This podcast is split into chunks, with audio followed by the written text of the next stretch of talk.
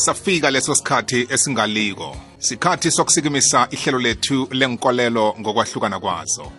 siletha kuwe mlaleli iqobe ngelesibili lapha siletha khona abadosi phambili benkolelo ukuzosithulela ilwazi ukusifundisa nokusiphendulela imibuzo esinayo njengemhleni-ke kulapha-ke nawe uzibandakanya khona ukuthi nawe ube ingxenye yehlelo lethu lokuthi ungaphosela lakho nawe lobodlani sisesena ziinomboro ongena ngazo ithi yona 089 1207667 089 1207667 ungathumela nephimbo lakho ngewhatsapp number yethu ithi yona 079 413 2172 079 413 2172 ngaleyo ndlela konke sabe sikhuluma nokuvela ngakuwe siza kuletha emoyeni ngibawa-ke na ugadangisako iphimbo lakho mlaleli uqinisekise ukuthi akunatshato elikulandelako bekodwa ungasugadangise nje iphimbo bese ulilise lize lapho emhatshweni eh lingasinga lendlela ofuna bona nawe lizwakale ngayo eh emoyeni ngikhambi ngedwa-ke ngikhambisana nomchumayeli kumanazaretha bekuphakameni doswa phambili ngomprofeti ushembe kanti-ke asisisodwa sinomfundisi ubj hlumbane ngikhuluma ngomsabatha ngikhuluma ngo-seventh day adventist nabalotshisanako bathi maranatha okuhlathulula ukuthi ikosi yeza ngeqabanga ukuthi likulumo imadana kamnandi nangendlela ikosi eyeza ngayo izokuza ngomoya oqwengileko ngelifu elikhulu iphasi lokho bazolibona namhlanje sike siyokukhulumisa indaba yokuthi unina likajesu wabasidisi ngokomoya oqwengileko kwafika ingelozi yaletha lumlayezo lokha uJosepha ebekade amhlekisani wakaMaria abhinqela ukumthatha ngokwehlathululo seBhayibhelini kwathiwa nakusaqalwe njalo kwafumaniseka bona sekasidisi uza kubeletha indodana ezaba mphulusi wephasi ngokomoya oqwengileyo kukhamba lapha ibhayibheli lisivezela abanye abentwana bakaMaria laba bentwana uMaria ubenabo nini ngoba bomna bafowabo likaJesu Kristu ingakhani balama yena kunalapha uJesu nabathi ababelethi bakho nabomna kwenu bakulindile ngaphandle apha athi nitshwabo bani ngoba mina bami ngilaba enginabo la uyabalandula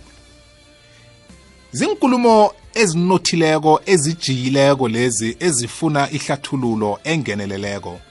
nekungikho-ke esiyokwenza namhlanje ngiba ukuthoma ngokulotshisa umchumayeli kumanazaretha ngithi intambama ehle mchumayeli nakubangqwele nakumanazaretha woke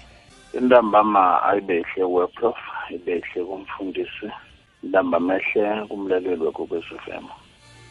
nisaphilile mchumayeli siyaphila prof sisahlengekile ngaphasi komsaka uNkulunkulu siyathokoza siyathokoza angamukele umfundisi uPJ Hlumbane Maranatha mfundisi uHlumbane Maranatha bobo inkosi yeza nakumshumayeli ngithi Maranatha nakubalaleli bonke bekutv f m ngithi maranatha ikosi iyazi mfundisi kade ngakugqina mhlambe ngikudluleka ne ngendlela nangingasakuboni ngoba sesimbatha amamaski amalanga la nasumbethe imaski ubusubu buyasitheka umuntu awusamboni ukuthi nguye namkha kusuye asabonakaliasabonani ngithokoza ukuzwa iphimbo lakho mfundisi uhlumbane siyakwamukela ngibawa ukuyithoma ngenqwadi ekumatewu ikulumo le indima yechumi nantathu indinyana iza kuba ngeyamachuma amahlanu nahlanu linqwadi ithi akusiyo indodana yombazi lena angithi unina nguMaria abafowabo akusinguJakobo uJosefa uSimoni noJudas angithi abodadwabo bonke siyabazi bahlala lapha alo umhali lo ukuthethephi konke lokhu na isizathu esingenza ngithome la ukuthi laba bantu babantu abaziko umndeni wakaMaria noJosepha nabantu bakhe sengitsho nokubelethwa kokaJesu lokhu thina esikwaziko ukuthi kwafika ingelozi yatshela uMaria ukuthi uzaziba sidisi eh aseselitlawana uza kubeletha indodana njalo njalo kuba yini abantu abangakwazi lokhu ngoba nangakhe emhononweni mchumayeli kunesiga esenzakeleko kwakabini besabikwa abantu basibona bazi namhla nokho umntwana loyo abelethiwe akukameli abantu bendawo barareke ukuthi umntwana obelethwe kwakabini lo ngimuphi ngonjani kuba yini ngoba sasazi kwakungakabelethwa kwakhe ukuthi uza njani ngiba ukuyithoma ngakuwe mchumayeli ingakhani umariya bekalitlawana mbala mbala mbala nakaza kubeletha ujesu ngiyathokoza baba umthombothi eh endabeni le baba umthombothi ibhayibheli isitshela indaba ezimbili ezihlukileko kuya-ke ngokuthi na usebenzisa i-common sense uyokuhamba nayiphi indaba hmm. lapha-ke ku uShumayeli 1 verse 9 iBhayibheli lisitshela ukuthi ayikho into entsha emhlabeni ekhona wazi ukuthi yakhe yenzeka before neyakhe yenzeka before isazokwenzeka kuthi ayikho into esebatsho yitsha emhlabeni then angekhe isenzeka then ke baba umthombothini esakhulumako sakhuluma nasikhuluma ngebhayibheli ngathi mina ibhayibheli imlando wabokhokho bethu mara-ke ilethwe zizitha zethu bakhambe baba nesandla sefene ngaphakathi kwebhayibheli ngoba iye yona iyasho kumatthew 1 verse 25 ukuthi ujesu lizubulo and-ke masitala ujesu uthole uthome idoctrine yakhe aneminyaka eyi-30 liyasho ukuthi ubegade sekalanyiwe odadewabo nabo bani bani abafowabo akusimraro lokho ngoba yena ithi ibhayibheli ulizubulo kodwana-ke sinendaba-ke mthombothi yokuthi umariya lo azange ahlangane nojosefa wakhulelwa kodwa nasicala ngebhayibhelini siyathola ukuthi kuhle kuhle omntwana kadavida la ngujosefa akuswi nguMaria nawuqala ichain yamadlozi noma yabokhokho bakaDavida uMaria kekho lapho uthola la kuthiwa uJuda wazala uJoseph indoda kaMaria manje yena uJesu onekazi kwagwazelako usambulo 1 verse 20 uh, eh, isambulo 22 verse 16 ngibawa sifunde ngoba la inkara ngoba uzigwagwazela yena isambulo 20 verse isambulo 22 verse 16 ngiphendla msinyazana mlaleli incwadi esekugcineni ebhayibhelini eh ngiyifundele umchumayeli eh iba mnandi na isibamba ngomtlolo sambulo 22 indinyana izakuba ngubani konje ehlalitwa 16 16 ngiyathokoza ngimi mina Jesu engithumele ingilozi yami kini bona izokufakaza ngezinto ezi emabandleni ngimurabhu nomlibo kaDavida ikhwezi lokusa elanyamazelako ngiyathokoza then nawe ufunde esingisini ethi i'm a seed of King David mm. manje nasiyithatha siyisuse eBhayibhelini sisa e, e, e, kwibiology esithi the sperm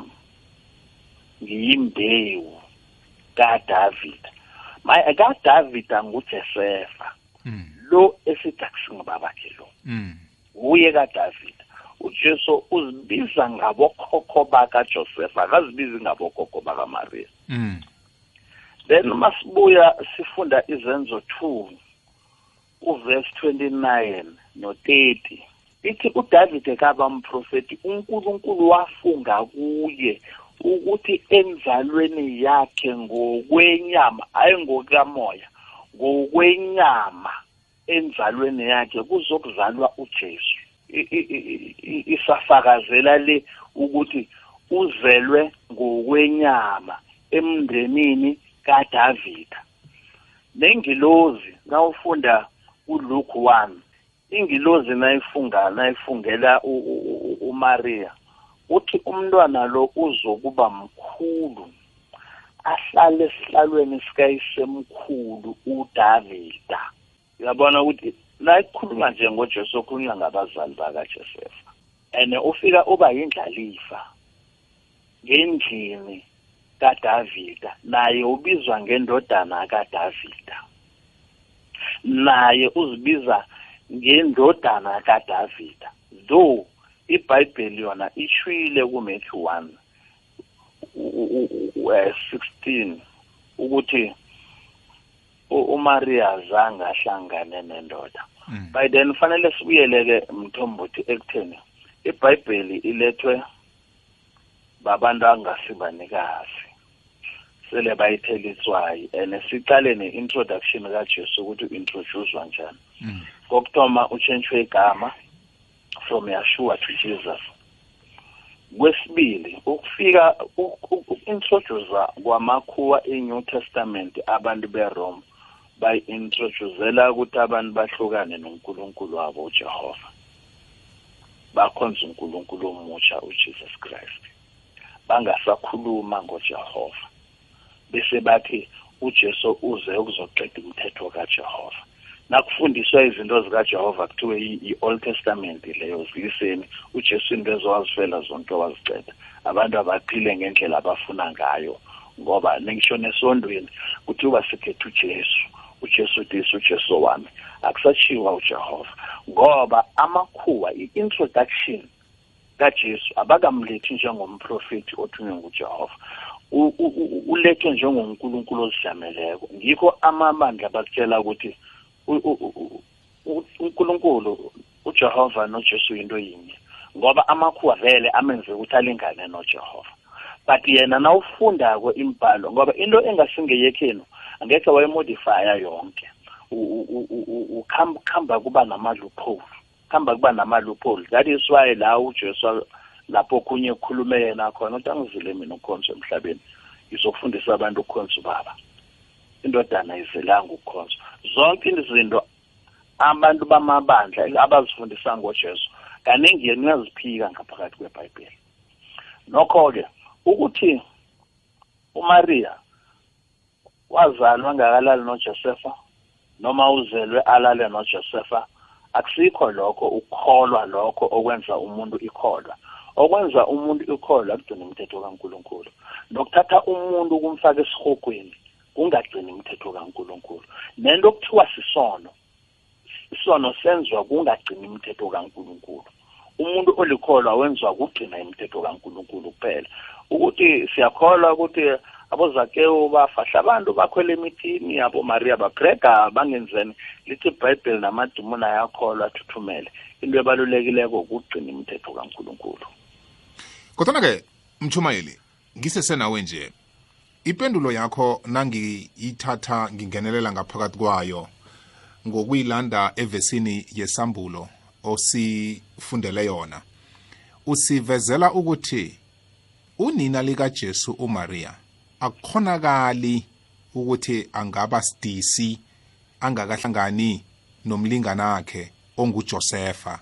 uze kubeletheke uJesu oba sizukulwana ngokwengazi ngokomlando ngokobukhosi ukusuka kuDavid bekangasiyile iklawana umuntu baba umntombothi omfazi akapreki angakalali nendoda azangekhe kwenzeke lokho ngoba into esiyibiza ngokuthi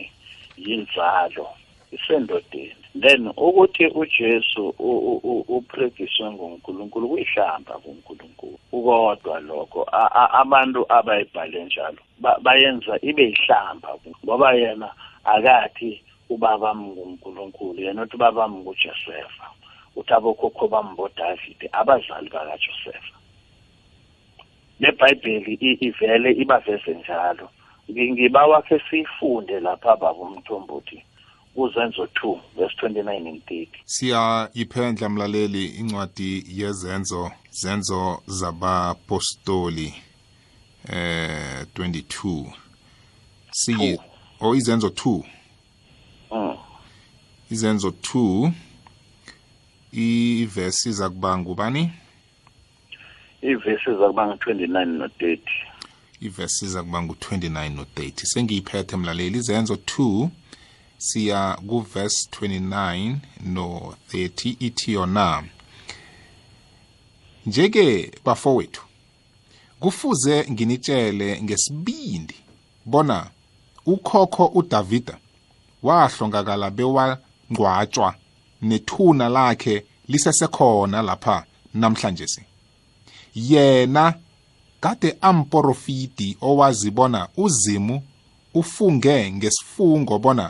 uza kubeka omunye wesizukulwana sakhe esihlalweni sakhe wafungeka kuye ukuthi uza kubeka omunye wesizukulwana sakhe esihlalweni sakhe manje isizukulwana sikadavida ngujesefa akusuye umariya then ujesu uma kangasimntwana kadavida ngengingazi leli vessel linamanga neemprofito ezinamanga hmm. ngibawa siyiswapelise ngabaseroma one verse two to four isho kuhle ukuthi ngokwenyama ungewakadavide mara unkulunkulu wamembesa ngomoya wengqwele ukuthi abizwe wabizwe ngendodana kankulunkulu hmm. baseroma one verse two kuya ku-four iza kuthi yona ivangeli lelo walethembisa ngaphambilini ngabaporofiti bakhe emitlolweni eqwengileko iye ivangeli elimayelana nendodanakhe eyaba sizukulwana sakadavida ngokwenyama ngijame lapha qhubeka begodu yathunyayelwa ngamandla bona iyindodana kazimu ukuya ngokomoya wobuqwenga lakho ngokuvuswa kwayo ekufeni uJesu Kristu inkosi yethu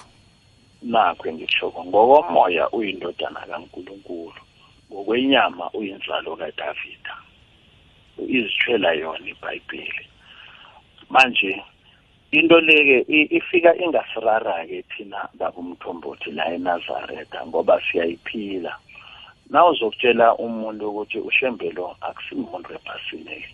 umuntu waphezulu then omunye uzothi njani ngoba unina ngisatheya kwabakhe nomzazela kele emhlabeni enawapreka wazala ungowezulwini nakwenzani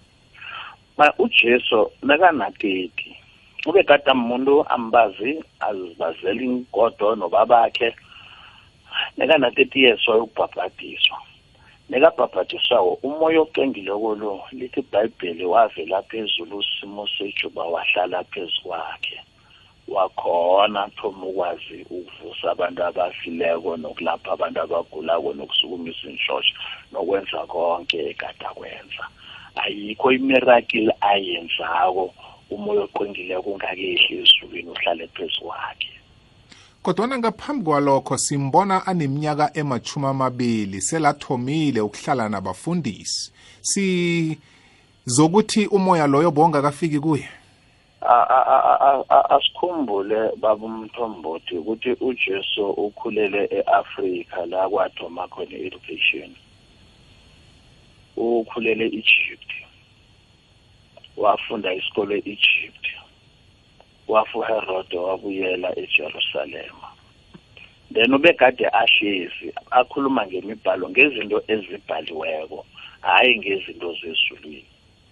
bathi umntwana lo ukuhlakanipha kuni lokhu anakho azimbhalo kangaka mara-ke ngithi azange athandazele noma asukumise umuntu phezu kwe-wheelshare noma athandazele umuntu ogulako noma akhe samadimoni noma enze whatever izinto ekade azenza esimazadume ngazo umoya oqwengileko ungakehli usuka phezulu simo sejubu uhlale phezu kwakhe noma umoya oqwengileko ukuhamba kuye walila wathi eloyi eloyi lamasabakadana bathi-ke ngokuhumusha kwakhona kuthiwa unkulunkulu wami ngishiyelane na umoya oqwengileko besekakuhamba kuye kusala umuntu sibambe lapho mchumayeli ngikuzwile siyathokoza namavesi osinikele wona nehlathululo mlaleli uyazizwela angazi bona ujame kuphi kilihlathululo eselesizwa ngehlangothini-ke likamchumayeli angichinge kumfundisi upj ihlumbane mfundisi ngikuzwe umomotheka kanqani umchumayeli nakaragela phambili nehlathululo yakhe ukumomotheka kwakho ngendlela engikuyizwe ngakhona ngathi kunalapha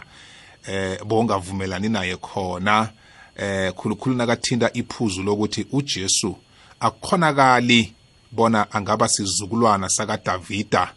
ngoJosepha uyise ikhisibe akumthintanisi ngokwengazi lokho kwenzeka njani ukuthi itlawana libe sidisi ngokomoya ni nima 7 day adventist nidlula njani kulihlathululo efana nale ngithokoze bobo eh ngithokoze kodwa ngakubalaleli idlula ngebhayibheli ngelizwi lakazimi um eh, ibhayibheli lithi ilizwi lakazimi liyiqiniso kanti nojesu makakhuluma ukhuluma ngeqiniso ngaphandle kweqiniso ayikho into esisayazi kodwana masibambe iqiniso yoke into sisayazi ngoba hmm. ngabathi ongifundele incwadi kayisaya indimana ngeyekhomba indima ngeyekhomba indinyana ngeshumi nane uyisaya chapter 7 sifunde kuverse 14 siya gu-isaya indima ngeyekhomba indinyana izaba ngeyechumi nane mm. ithi yona ngalokho-ke usomandla ngokwakhe uzonenzela isibonakaliso qala iqhakazana lisidisi liza kubeletha indodana lithiye ibizo bona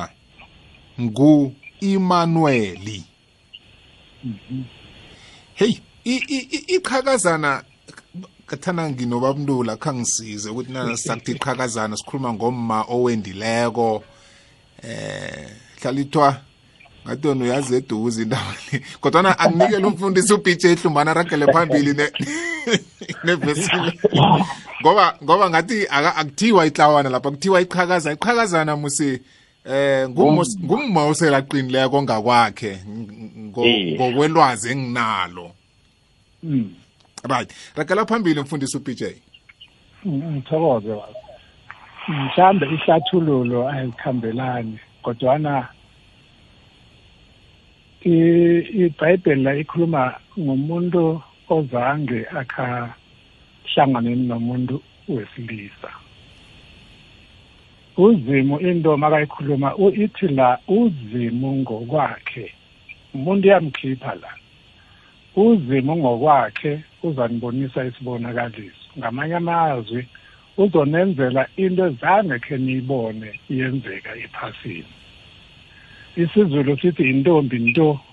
umuntu ozange akatshimpe loyo uthi ke le nto makathi nguzima ozayenza iwumraro izomrara ngombana ephasini azange khe yenzeke ukuthi intombi ikhulelwe ngaphandle kokuthi ilale nomuntu wesilisa asiyidose ngelimi engiliphetheko lapha lakageorge ithi therefore the lord himself shall give you a sign behold the young woman who is unmarried and a virgin shall conceive and bear a son and shall call him or his name Emmanuel. Ngithokoza a virgin umuntu ongakathintwa begodi ukhuluma ngaye ngalesikhathi uIsaya aprofeta la even ngisho noma kaJesu bekade angakabelethwa la kodwana sithola negama lakhe uJesu la liyavela kanti nonina akakabelethwa uIsaya usaprofeta ngezinto ezisaza kwenzeka ngombana yenziwa nguzimu nguzimu wenza isibonakaliso la akusimprofeti owenzayo umprofeti uyatshelwa nguzimo tshela abantu ukuthi ngizokwenza into efana nale ezararaboka abantu ephasini engeke bakhona ukuyishathulula kodwana izakwenzeka kakanqane mfundisami ngiba ngiba ukuhamba nawe kabuthaka kabuthaka imnandi ihlangothi olulethako nehlathululo le ngoba inalapho esisa khona siporofito lesi kuIsaya lento uIsaya ayikhulumako lapha etlolwe lapha hmm. isengakenzeki isengakenzeki baba alright bese ke ngale kuMateyu ngekwehlathululo esele ikhona nasele hmm. yenzeka linto le isiporofito hmm. lesi sinasiqiniseko kangangani ukuthi senzeke ngendlela uIsaya asibona ngayo ngombana mm. abantu abazi umlando wokubelethwa kukaJesu nokukhula kwakhe yeah abasazi isiprofito lesi begodwa isiprofito lesi singahle sibarare namkha sirare nathi esele sikhona namhlanje ngoba ngokombuzo abanawo kuMateyu 13 napha la ngithome khona mm. bekufanele balemukile ukuthi ungubani ngokokubelethwa kwakhe ngoba isiporofito sasikhona iya ngithokoze bobo ngita kuhlathululela ukuthi kwenziwa yini abantu begade barareka sengathi ujesu abamazi akhe sifunde umatewu indima ngiyokuthoma indinyana yamashumi amabili nanye matewu chapter 1 verse 21 um ah, ngiyayiphendla mlaleli libhayibheli namhlanje ingakakleruki Mhm. angekhe sikhambe lapha sizo sifuna ukuhamba sesiyiqhaqhe yonke umatewu wokuthoma mm. indima iza kuba ngiyaka 21 machuma amabili nanye mlaleli ithi yona umariya uza kubeletha indodana uyithiye ibizo bona ngujesu ngombana iza kusindisa abantu bayo ezonweni zabo mhm ragela phambili lise khonapho bo okay la yeah sesondela ukuthi kuzaliseke isiprofethi sakayisayo mm ukuthi uMaria lokho akuthiwe iqhakazana namkha intombi ngombana kade angakabeletha intalokho igama lakhe aliveli ngubani okhulumako la kumatewu wokuthoma la kukhuluma umatewu kukhuluma umatewu iye le le le lekuluma ikhuluma lapha uyithethephi ngoba kasimporofiti ukekuhamba nojesu angithi itestamente elisha abantu bonke begade bakuhamba nojesu ngesikhathi sakajesu ujesu uzimo abambulela izinto ezinye bazibonile zenziwa ngujesu ezinye bafundile ngazo ngombana ngaleso sikhathi kade bafunde itestamente elidala mm. bona babhala itestamente eletsha kodwana le mm. esiprofitweni saka-izaya la sithome khona mina nawe mfundisi mm. ibizo liveziwe ukuthi ngu-imanuel umatewu ulichugulelani ambize ngojesu awuza-ke uthi ibizo elithi jesu usho ukuthi ngumphulusi uza kuphulusa abantu bakhe ezonweni zabo asiyihlanganise nale sifunde kuyisayo ithi uzathiwa ibizo lokuthi ngu-emmanuel emmanuel kusho ukuthi uzimu unathi weshile waba nathi ephasini waphila hlangana nathi isho kujohn uchapter one uphila nathi yingaloko uzathiwa umntwana lo nguzimu unathi and then umatewu makayibeka ukhuluma ngomsebenzi kajesu akathi ngujesu kusho ukuthi ngumphulusi yikho athi uzaphulisa abantu bakhe ezonweni zabo alright asithi amavesi amabili esiwafundileko la mina nawe mfundisi la ukuzithwala kukaMaria ngokwehlathululo le akuna lapha kumhlanganisa khona noJosepha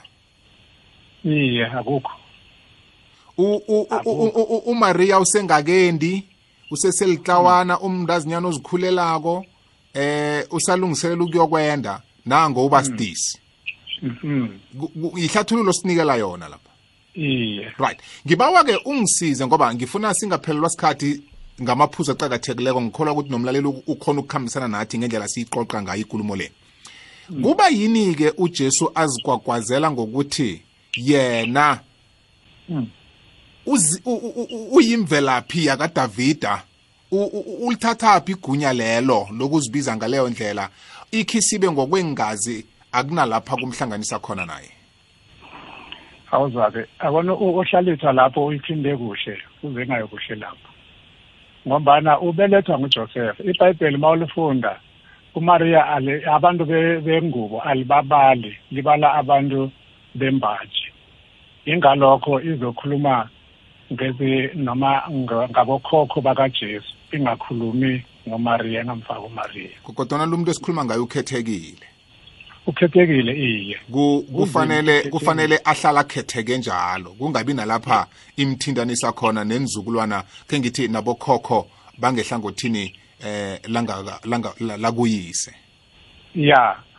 kunento emijahalekiyo bobo ibuzile lapho ukuthi why abantu kade bangamkholwa bangakholwa ukuthi ngujesu lo and eh, abaningi bafunde ngaye abafarisi bafunde ngaye kodwana masekakhona akhuluma bayaphika bathi wena ungathiwa indodana kazini siyakwazi ubelethwa ngujosefa siyakwazi kade nawe uhelebhe uyise ubaza lapha awusiyi indodana kajosefa isizathu nasi uma ufunda umlando kajesu bamhlola ngombana ujesu uzalwa ngumariya mawulanda umlando uMaria umakhe loya mawukhumbula abantwana eh, uMoses makathuma eh, insolo ukuthi ziyohlola ikhasi laseKhanani mababuya abantu balapha bafuna ukubasahlela benzani bayabaleka bayozifisha komunye umuzi bathola uma lapho uyabafisha ubafisha phezulu ukuthi laba bantu bangabatholi uma loyo umsebenzi wakhe kade athengisa ngomzimba ma sekasindise labantu uzima abathumi namkha umoses abathumile uzima uyambabalela izono zakhe azange abulawe makubulawa boke abantu balapho ngombana usindisa abantu bakazima nguye owabeletha umariya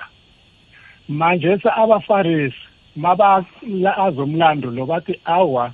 akunamfazi uMaria lo angekhe akwazi ukubeletha angakatholi indoda kusho ukuthi lo ufuze ugogo ufuze umakhe le siyazi ugogo kajesu thina impilo kade ayiphila le yingakho bakhuluma bangafuni ukumkhola ngayo yonke into ujesu ayikhulumayo namhlanje senzeka le nto ma ungayiqala mawazi ukuthi kade ngidakwa kade ngenzani namhlanje sengiyashumayela kubudisi ukuthi abantu bangamukele mangikhe ngaboshwa ngoba kade ngiganga ngibulawa abantu kubudisa ukuthi abantu bangamukele ngombana bazi umlando wami la ujesu ayikho into emba yenzile umariya ayikho into emba yenzile kodwana abalanda umlando wabokhokho bakhe ingalokho bebangafuni kumkholwa ye bengisahlathulula ukuthi kungani abantu bangamkholwa abantu bamphika ngoba bazi umlando wekhabo njalo njalo umlando wekhabo right yeke abawazwa kamaria yeah. abawazwa bakajosefa kodwana bazi abokhokho babo into esiyenzako leyo manje kancane mfundisi kancane nakuthi abantu bakhona ukwazi umlando onjalo mm. baweqa njani umlando wesiporofido saka-isaya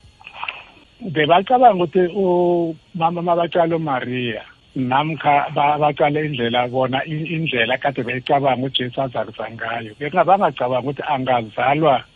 mangithi ngibekise ngokuthi mangazi umlando wakamthombothi angicabangi-ke ukuthi leyo ntombi bayazi ukuthi yintombi ezange ibhayibheli bayifundile intombi ezange ikhihlangane nomuntu wembaji kodwana nabacala umlandu bakamthongozi bathi awa akakwazi ukubelethwa kulo muzi lo ngombana lapha siyawazi umlando wakhona mm, mfundisi abatsho njalo abantwaba mm. abantwaba lapha la ngithome khona bathi unina akasingumaria na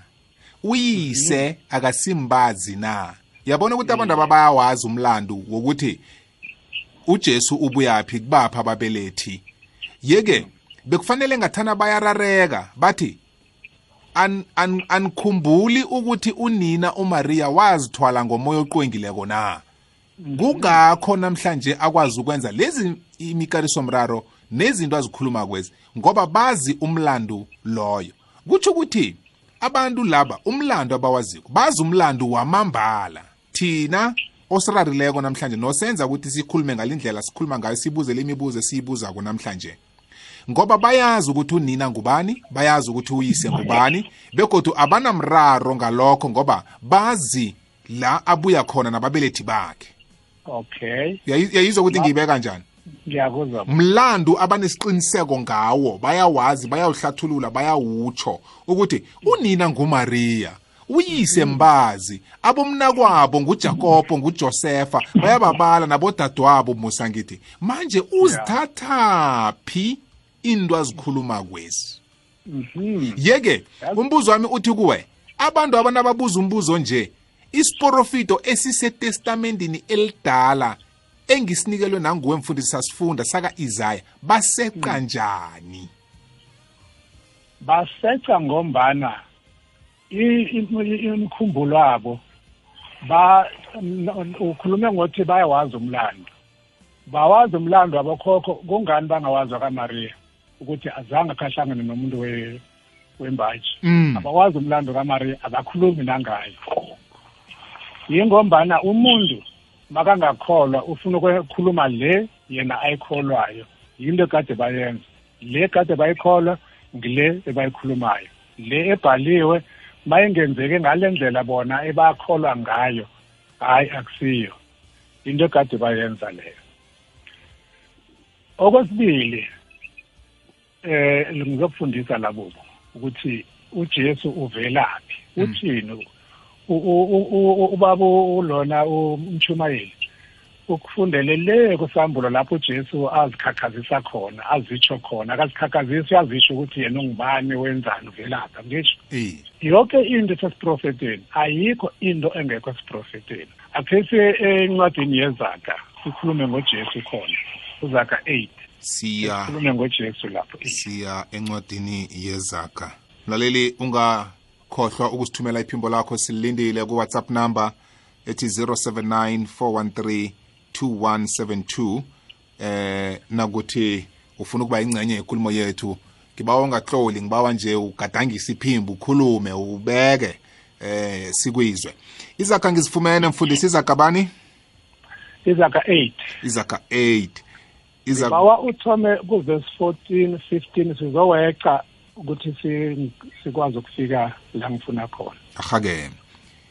kimi kunokweluleka nempumelelo mina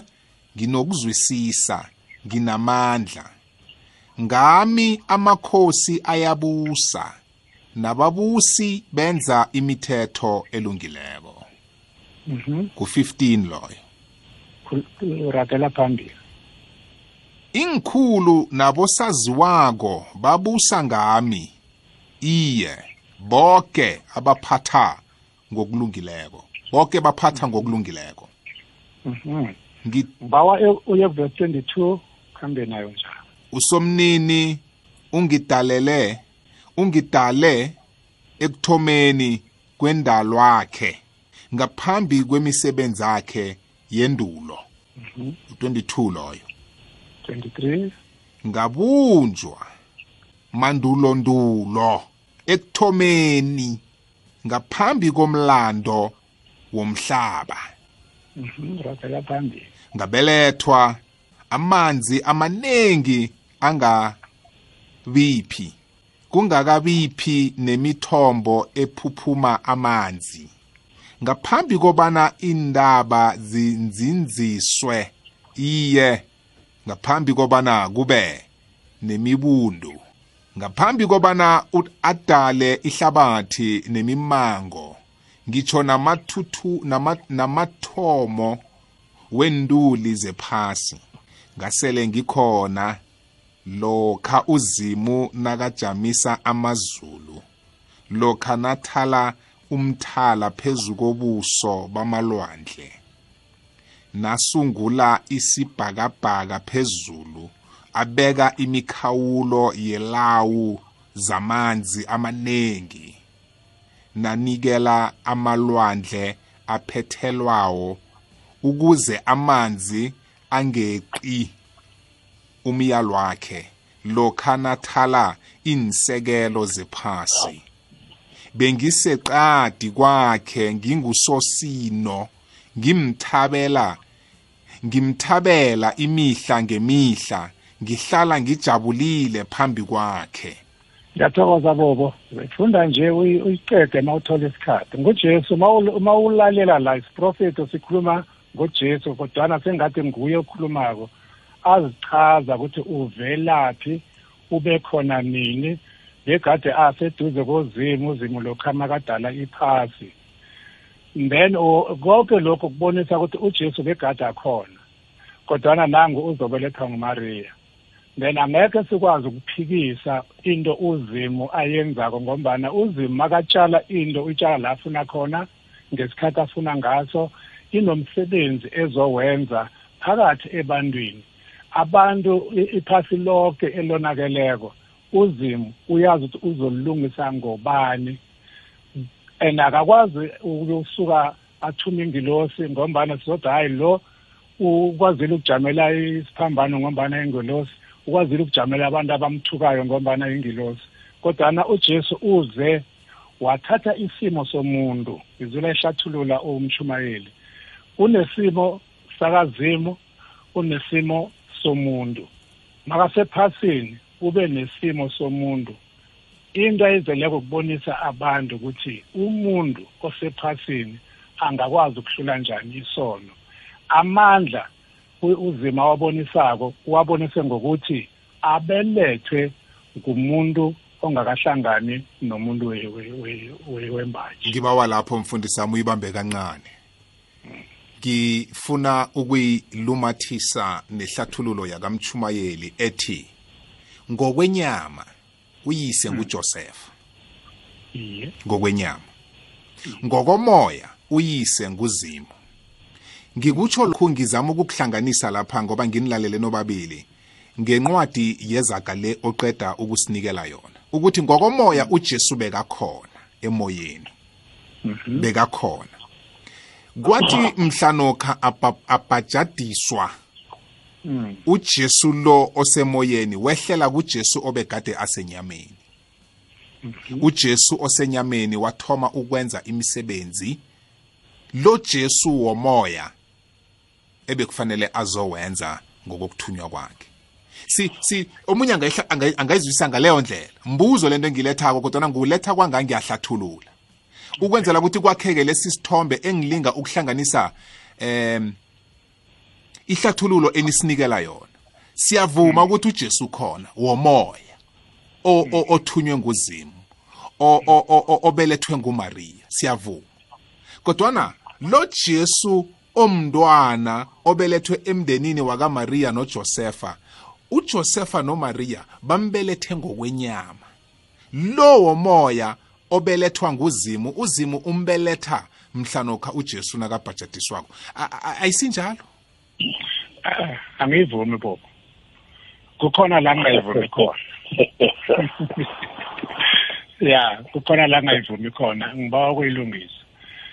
khona into engiyikhulumile mhlambe azange sizwe kuhle ngiba sifunde ugenesis 3 uverse 15 ngizabuyela kuleya nto engiyikhulumile ukuthi sizwe kuhle kengatsho ngathi ibhayibheli elinamhlanje soliphendla mlaleli soliphendla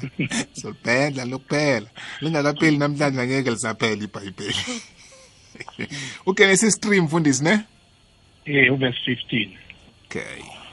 siya endi me endinyaneni yechumi nahlanu ngizakubeka ubutha phakathi kwakho nomfazi naphakathi kwenzukulwana zakho nenzukulwana zakhe zona ziza kuthidla ihlokwakho wena ulume isithende sazo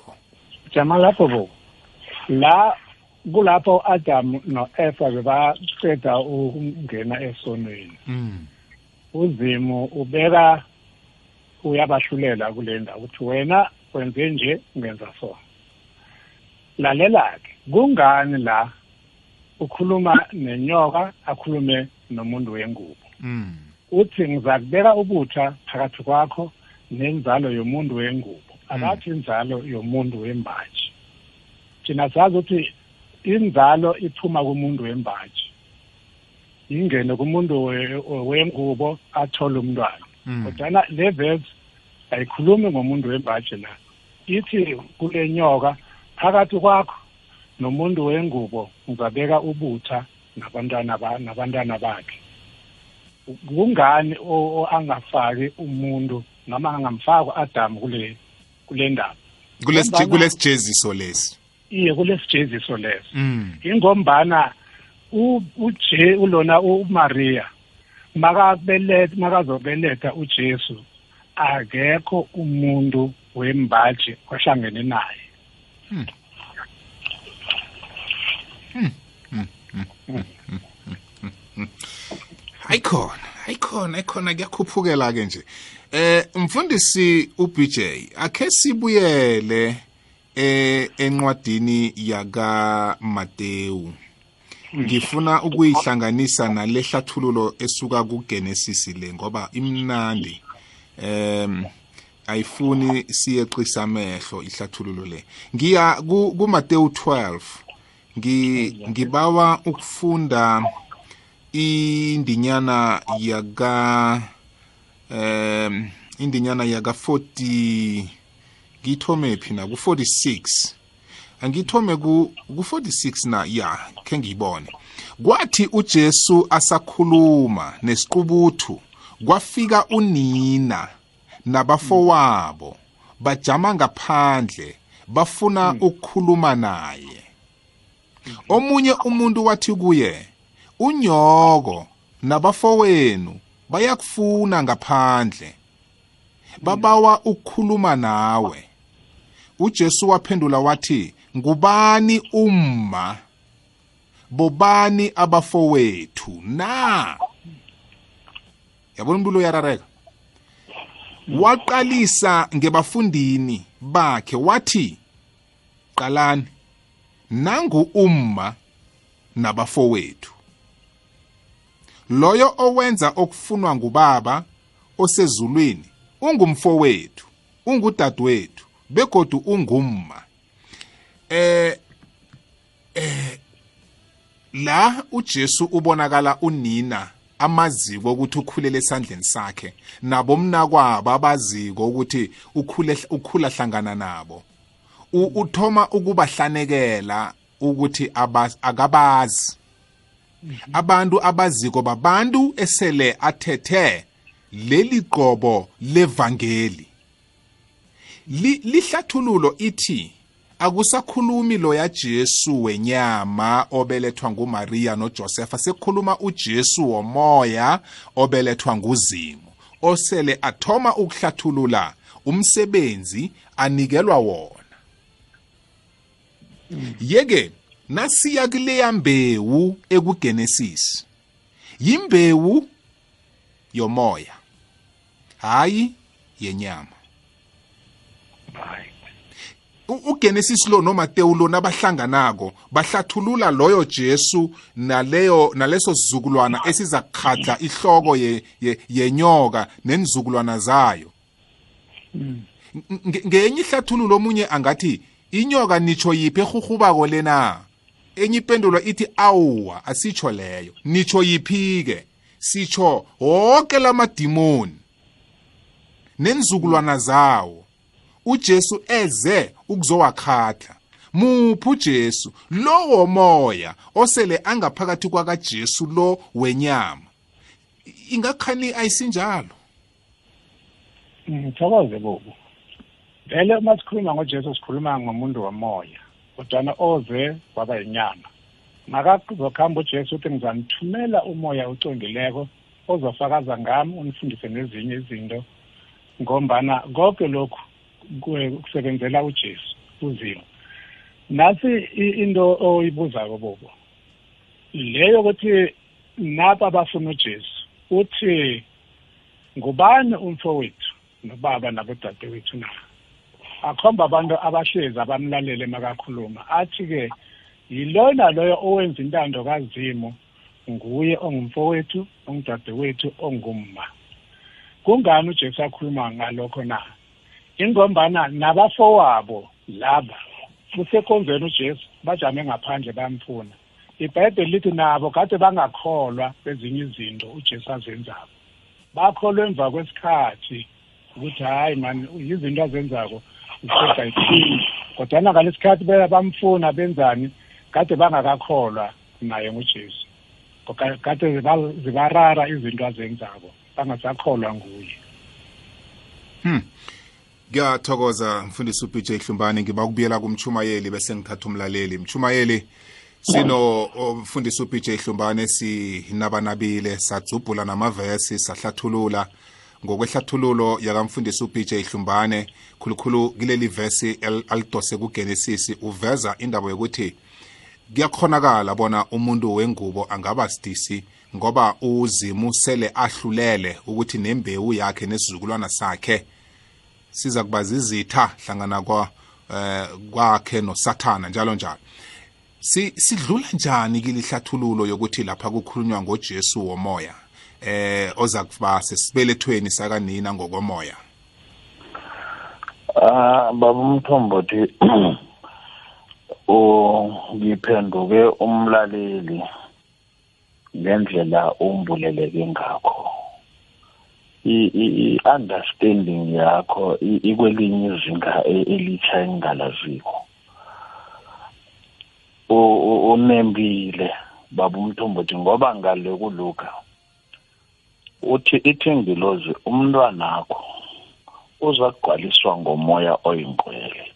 mara umoya oyingqwele loyo siwuthola uzasekana-30 na uthi kunojesu wenyama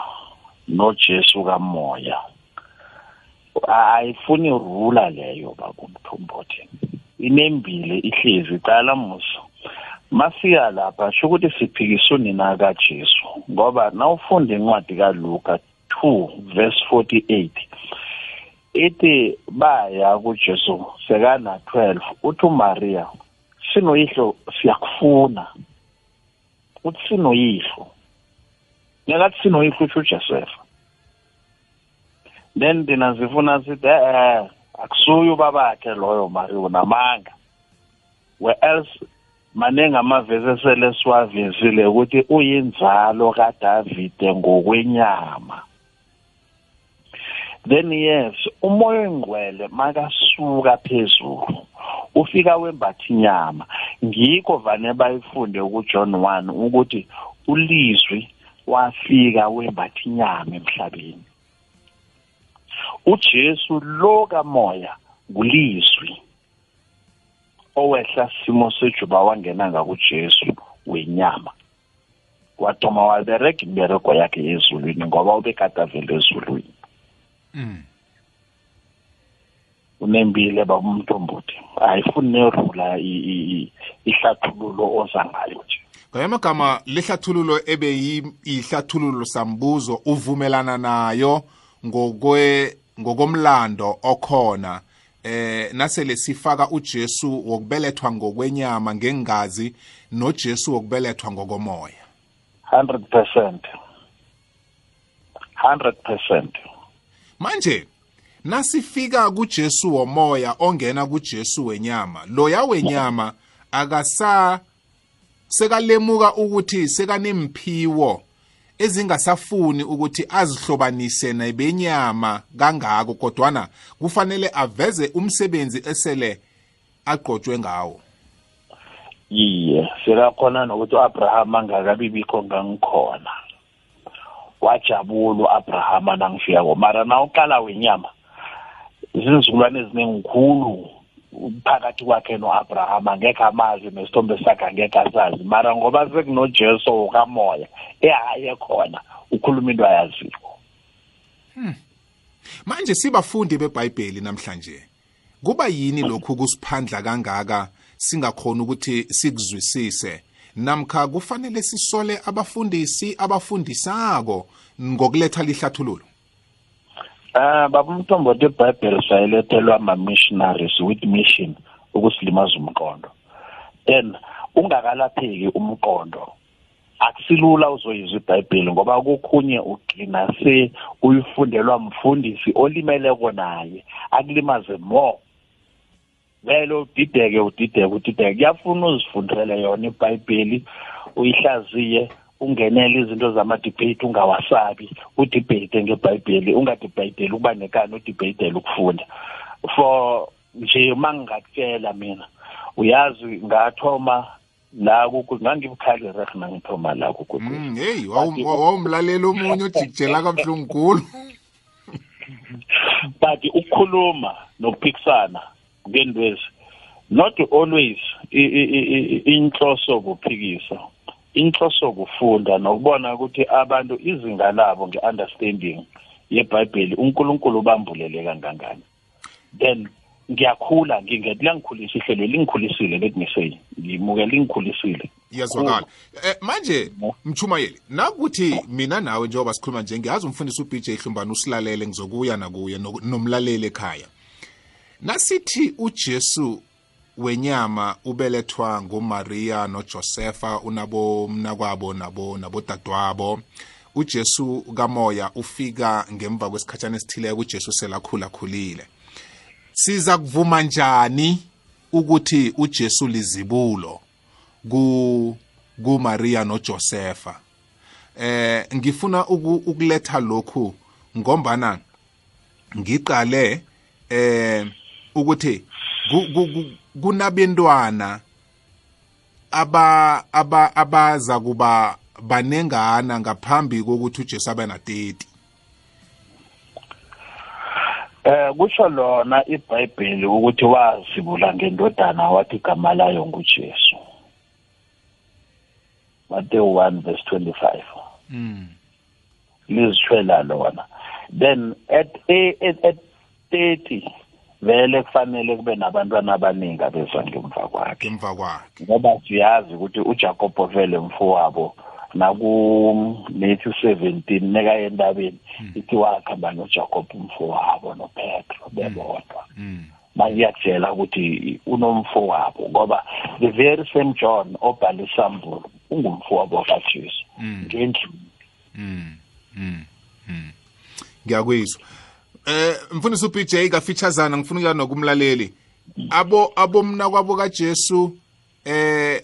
ngoba ngikuzwile uthi akukhonakala ukuthi angaba ngewaka Joseph ngokwengazi manje ngokomoya njalo ke uba lizibulo eh kuJoseph eh ulizibulo laka Maria akasilizibulo laka Joseph akasilizibulo laka Joseph isibulo laka Maria heyi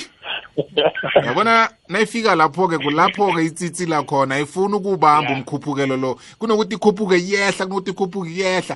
khomngihlathululele ukuthi njani ingalokho bobo ngihlathulule ngogenesis uchapter 3 verse 15 ya ikhuluma ngoma ayimfaki ubaba ngombana izibulo nakanjani elivelile ubaba azange asondele kumma kodwana kwavela izibulo izibulo vela kamariya ngokwe mfundiso zebhayibheli ngiyakhola ukuthi uzokuvumelana nami mfundisi ubj hlumbane ifundiso yebhayibheli asiyifuni ijame iyodwa ngevesi elilodwa kufanele zibe mm. ntathu zivumelane ya ingakhani akhona amanye amabili angasekela ugenesis lo eh mama ekhuluma ngokuthi uyindodana mayifika kunesizathiwa nedi ukuthi inzalo le yakamariya le eh ngaphandle kokuba nokuhlangana komuntu ongubaba mhlambe siyibambe nedi lapho okay angihlathulule so mayithi uza uza bethi isithende sakho mm. wena uza bethi isho kwakhe mawuse ufika la uJesu azobethela esiphambanweni kugcwaliseka into ekhulunywe lapha kuGenesis ebonisa ukuthi nambala lapha kuGenesis bekukhulunywa ngoJesu hmm. ayicale nje abantwana laba thina esicabanga ukuthi ikhuluma ngabo kodwana bekhuluma ngoJesu ngombana inyoka ngusathane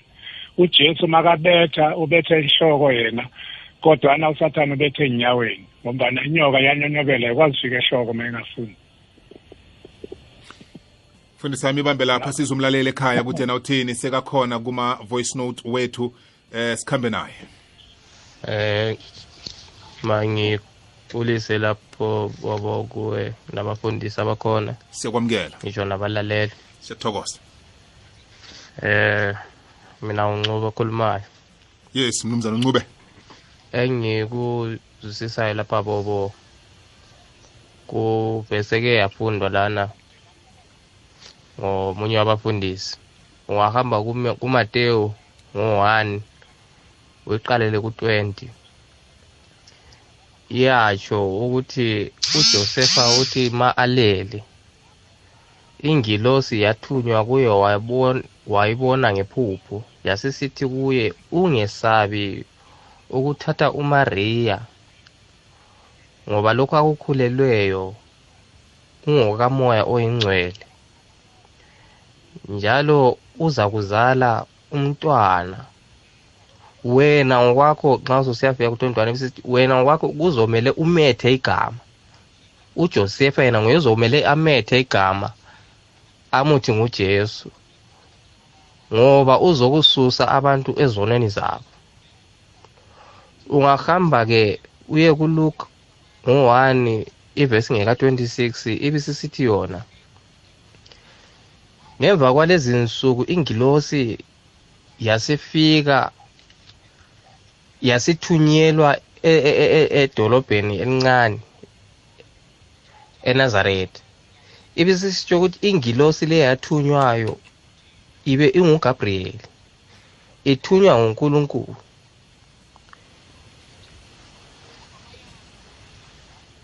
ingilosi yiyo eyathunywayo nguNkulunkulu ukubana izotshela uJosefa uJosefa elele bona iphupho bekuyingilosi enguGabriel eyayifikile yazomtshela lokho yiyo emtshelayo ukuthi wena uzokunikeza lo mntwana igama kuthiwe ngujesu ingilosi efananayo futhi yesu esiyithola futhi isiyakutshela futhi lo mariya ukuthi wena okukhulelweyo ukhulelwe ngokamoya engcwele umntanakho uzokubethwa uzokuthiwa ngujesu uzokusindisa abantu ezonweni zabo umariya ngaleso sikhathi ubengakabi labantwana umntana wakhe oqala ube ngujesu then abafowabo basebezala ngemva kokuthi yena esezele sekhulile mm. kuthi lapho abafundi bakhe nxa befika kuye bembuza bethi abazali bakho bakubiza ebesesithi no abazali bami yilabo engilabo ubengatsho ukuthi uyabaphika abafowabo begazi mm. ubeletha isifundo sokuthi labo abantu abaclose ababambeneyo lezulu yibo abantu abayizihlobo zakhe zempela hayi kona ukuthi laba abantu abafowabo kababambananga lezulu ha-a kodwa ubeletha ilihlo lokuthi laba abantu abazakubambana kumbe abazaba connected to izulu kumbe kuye laye yibo abantu abayizihlobo zakhe zempela so akusiyikho ukuthi ubephika abafowabo aha ubengabaphiki bo ngiyabona thokozile mnumzana unqube benobusuku obumnandi eh sithokoze nokusilalela mthombothi ekwekwezini lotshani lo mfundisi lo mchumayeli akwande begudulawe mthombothi mfundisi anti ngake ngezwa kuthiwa ngumfundisi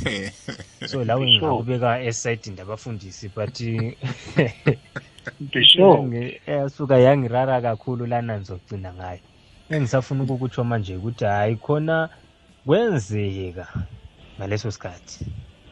ngokubana kwenziwa ngujesu esitsho la ukuthi uzokwenzisa imanga esizomangalisa abantu vele emhlabeni njalo esingakaze senzeke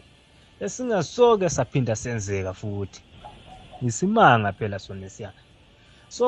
angeke nje kwamana kwenzeke ebantwini ukuthi uzibone lawe kuthiwa suzithwele isisu sakomoya hhayi hmm. into ezenziwa ngujesu kuphela kumbena ngunkulunkulu kuphela nguye okhona ukwenza lezo zinto nguye umuntu okhona ukwenza izimanga hhayi ngaphandle kwakhe angiboni umuntu ongenza izimanga lento esingakwenza thina kuphela kumehlandela nje kuphela zonke izinto zakhe yabo kodwa mthombothi into engirarako lapha mfundisi mthombothi lo pastor lapho ulalelo omunye lo mchumayeli wake weza mthombothi lalowo muntu lo last kati kunini laphana last week kwakunini kati sengize ngikhohliwe lalo muntu owafika lana wasitshela wathi ibhayibheli liyi-history ubaba umbhele eh, uthe nxa sekuthe ibhayibheli liyi-history ngamuzwa laphana wona nxa susithi kuthiwa ujesu wafela abantu waref wathi hhayi lokho inganekwane vele nje into abalitshela yona akusiyo mm. akusiyo but ebhayibhilini kubhalwe njalo ukuthi ujesu wafa wabuye wavuka so nxa kwakuthiwe inganekwane mthombothi begudwe yi-history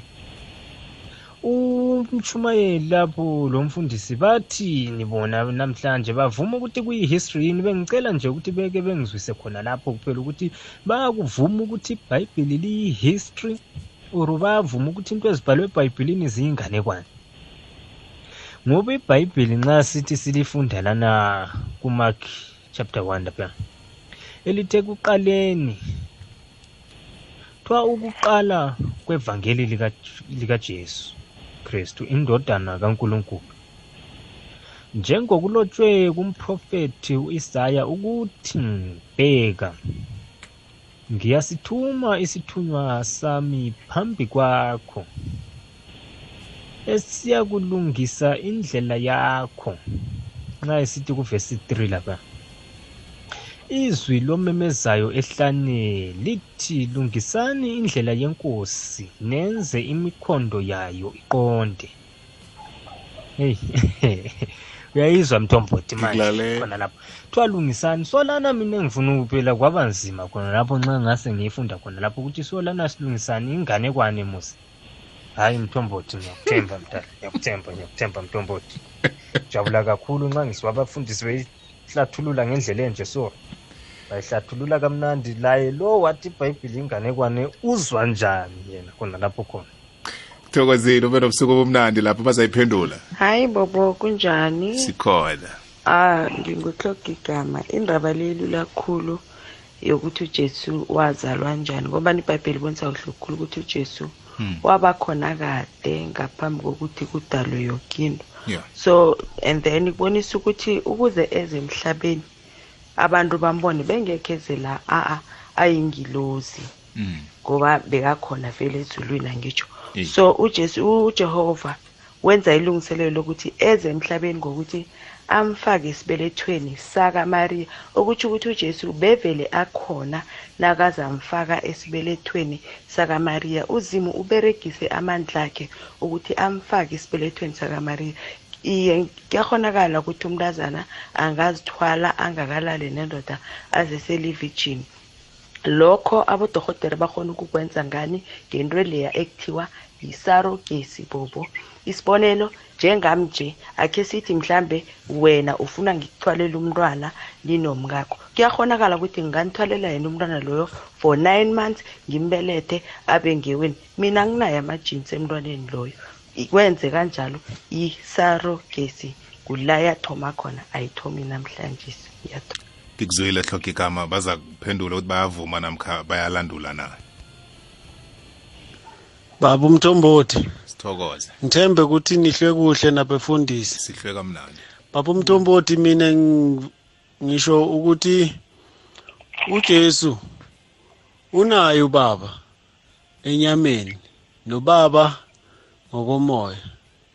baba umthombozi khumbula khona lapho uMaria lokhana kasidisi wakhamba wayokuvakasha kuElizabeth kuthe loka nakangenako ejardini kaElizabeth wamthola busy ngaphandle umntwana esiswini wagidagida then mthombothi lokho kuyakubonisa ukuthi kuhle kuhle uJohane noJesu bobhuti then uElizabeth indoda kaElizabeth ubani nguZakaria so kusho kona ukuthi nedi ngoba manje u uZakaria bekayinkosi so uma umkakhe uElizabeth asidisi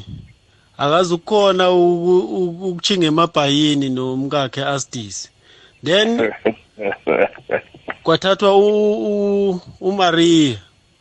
kwathiwa-ke okay inkosi ayibone ukuthi yenza njani kumaria lo mina ngibona ukuthi nje nguzakariya ubaba wenyama kajesu nguzakariya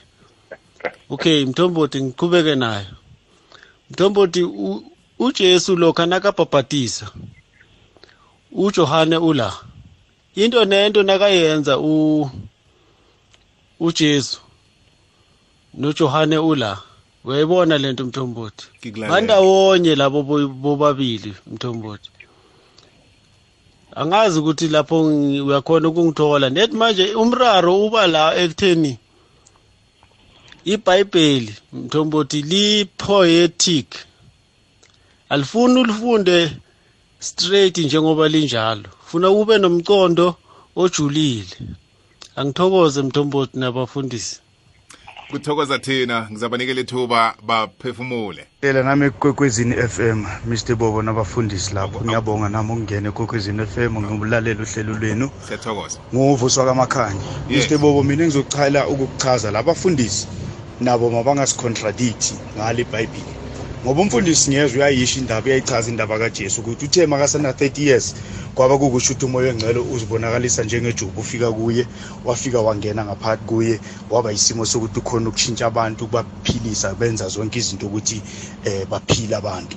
ngalesa sikhathana 12 years uJesu Christ bengakhona ukukwenza lokho kodwa bekafunda ngokwebhayibheli so kusobala ukuthi naye uJesu uzalwe ngenyama ngenerage of state umoya engcwele wasuka ezulwini weza kuye ukuthi azoqala ukwenza imimirekile le unkulunkulu amthume yona so manje umfundisi makaphika ukuthi ujesu uzalwe ngokwenyama kusho ukuthi usisaphi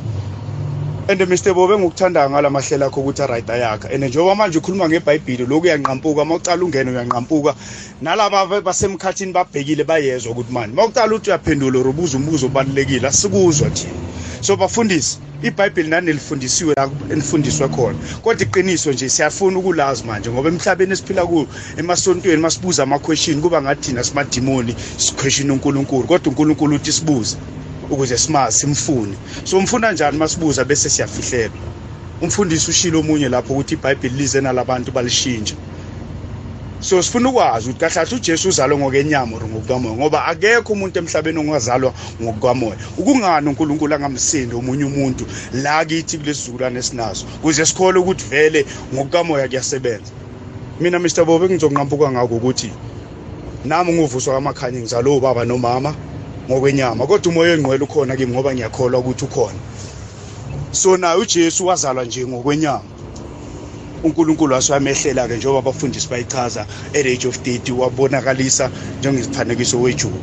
so kahlahle iciniso lalilodwa la akekho umuntu owaziyo ngayo yonke lento uNkulunkulu akasambulela lethe nje umuntu oyi-one oza kusikhanyisela emhlabeni ngiyabonga thokozile mnumzana umakhanya kube nobusuku obumnandi lapho akwande bobodabhidi ukhuluma nogaca la evaterfala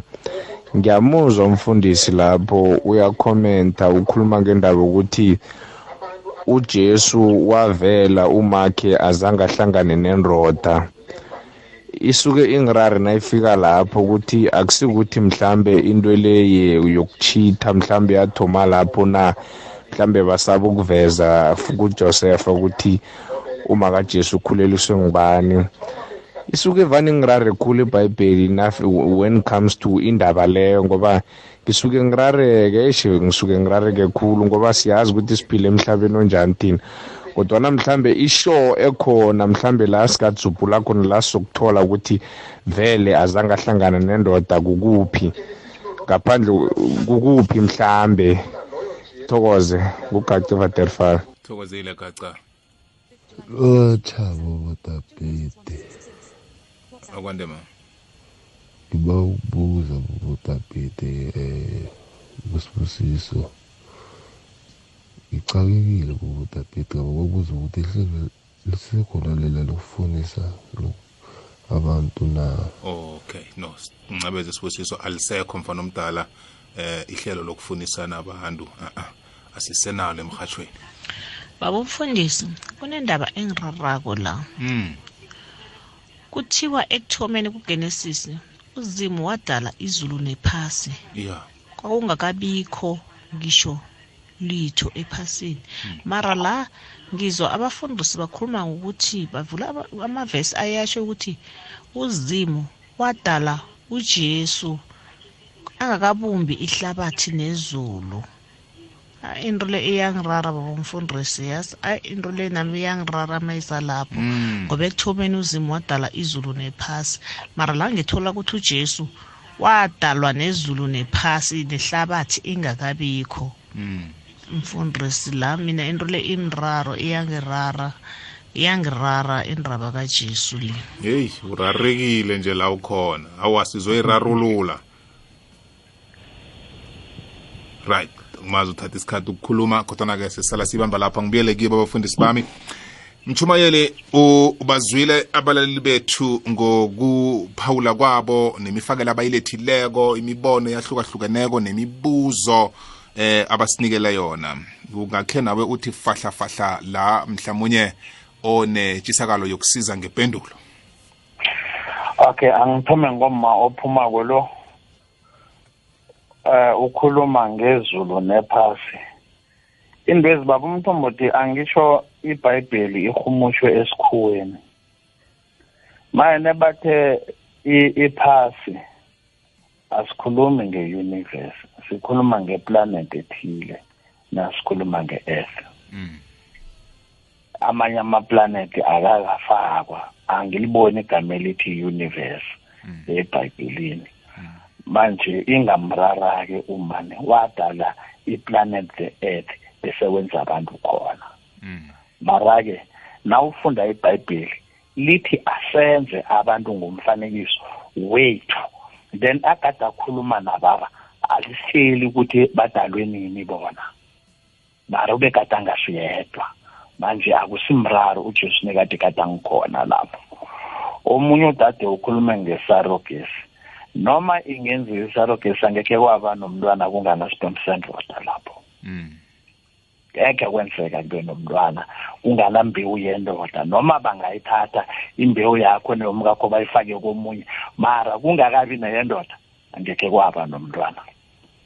bengibuza lokho bengifuna umbuza lokho ukuthi isaroge sathi yathoma ngojesu le imbewu bekungiyakazimu mhlambe ufuna ukuyibeka njalo ngoba ivela ingumoya oqwengileko Ah babumthombothi kuyafihlwa kuhle kuhle la iBhayibheli izama ukuhloniphisa ngoba ngesiJuda noma ngesiHebheru umuntu walala balalana ngale komtchado kuyihlamba ngikho kuJohn 8 verse 41 nebadelela uJesu bathi siqale kuhle thina sikazalwa ngokuphila it means yena uzalwe ngokuphila ngoba wazalwa out of wedlock mm. mm. uyibona hmm. manje manje manje mchumayeli ngaphandle kokuthi uphelelwe isikhathi uJesu esakuthi yindodana kaZimu ngilo owafika kuJesu wenyama ngokomoya yes ngoba ebhayibhelini nasikhuluma ngendodana akazimo sikhuluma ngemessenger ingilozi zibizwa ngamadodana kaNkuluNkulu vele ezithunywa nguNkulunkulu maye naye umoya oyingcwele owafika kuJesu usithunywa sikaNkulunkulu uyindodana kaNkulunkulu then ngithi amakhuwa ahlangahlanganisa ibhayibheli ngoba bafuna ukubulala igama elithi jehova ngikho lingekho igama elithi jehova kwenew testament bafuna kubonakala ngathi ujesu ngujehova vele noma ulevel one nojehova that is why amabandla wesikhuwa la vele ujesu bambeka le esikhundleni sikajehova hmm. means kama-missionaries their mission were accomplished ukuthi balibulale igama likaJehova angasakhonzwa bese khonza uJesu mara yena kade angakazeli ukhonzwa and kade angasingujesu igama lakhe batshentsha into eziningi la kunomlaleli oveze indaba yomlando wakazakariya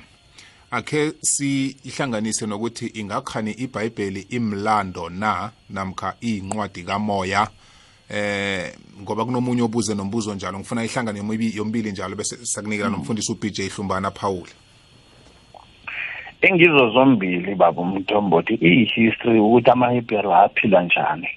and iphethe imithetho kaNkuluNkulu nendaba zabaprofeti manje ihistory be incwadi kamoya but it was tempered with ikhamba inokuchapha lapha nalapha makuwa afake ngenhloso yokusilawula nokususa kuNkulunkulu mm then uthe ushembe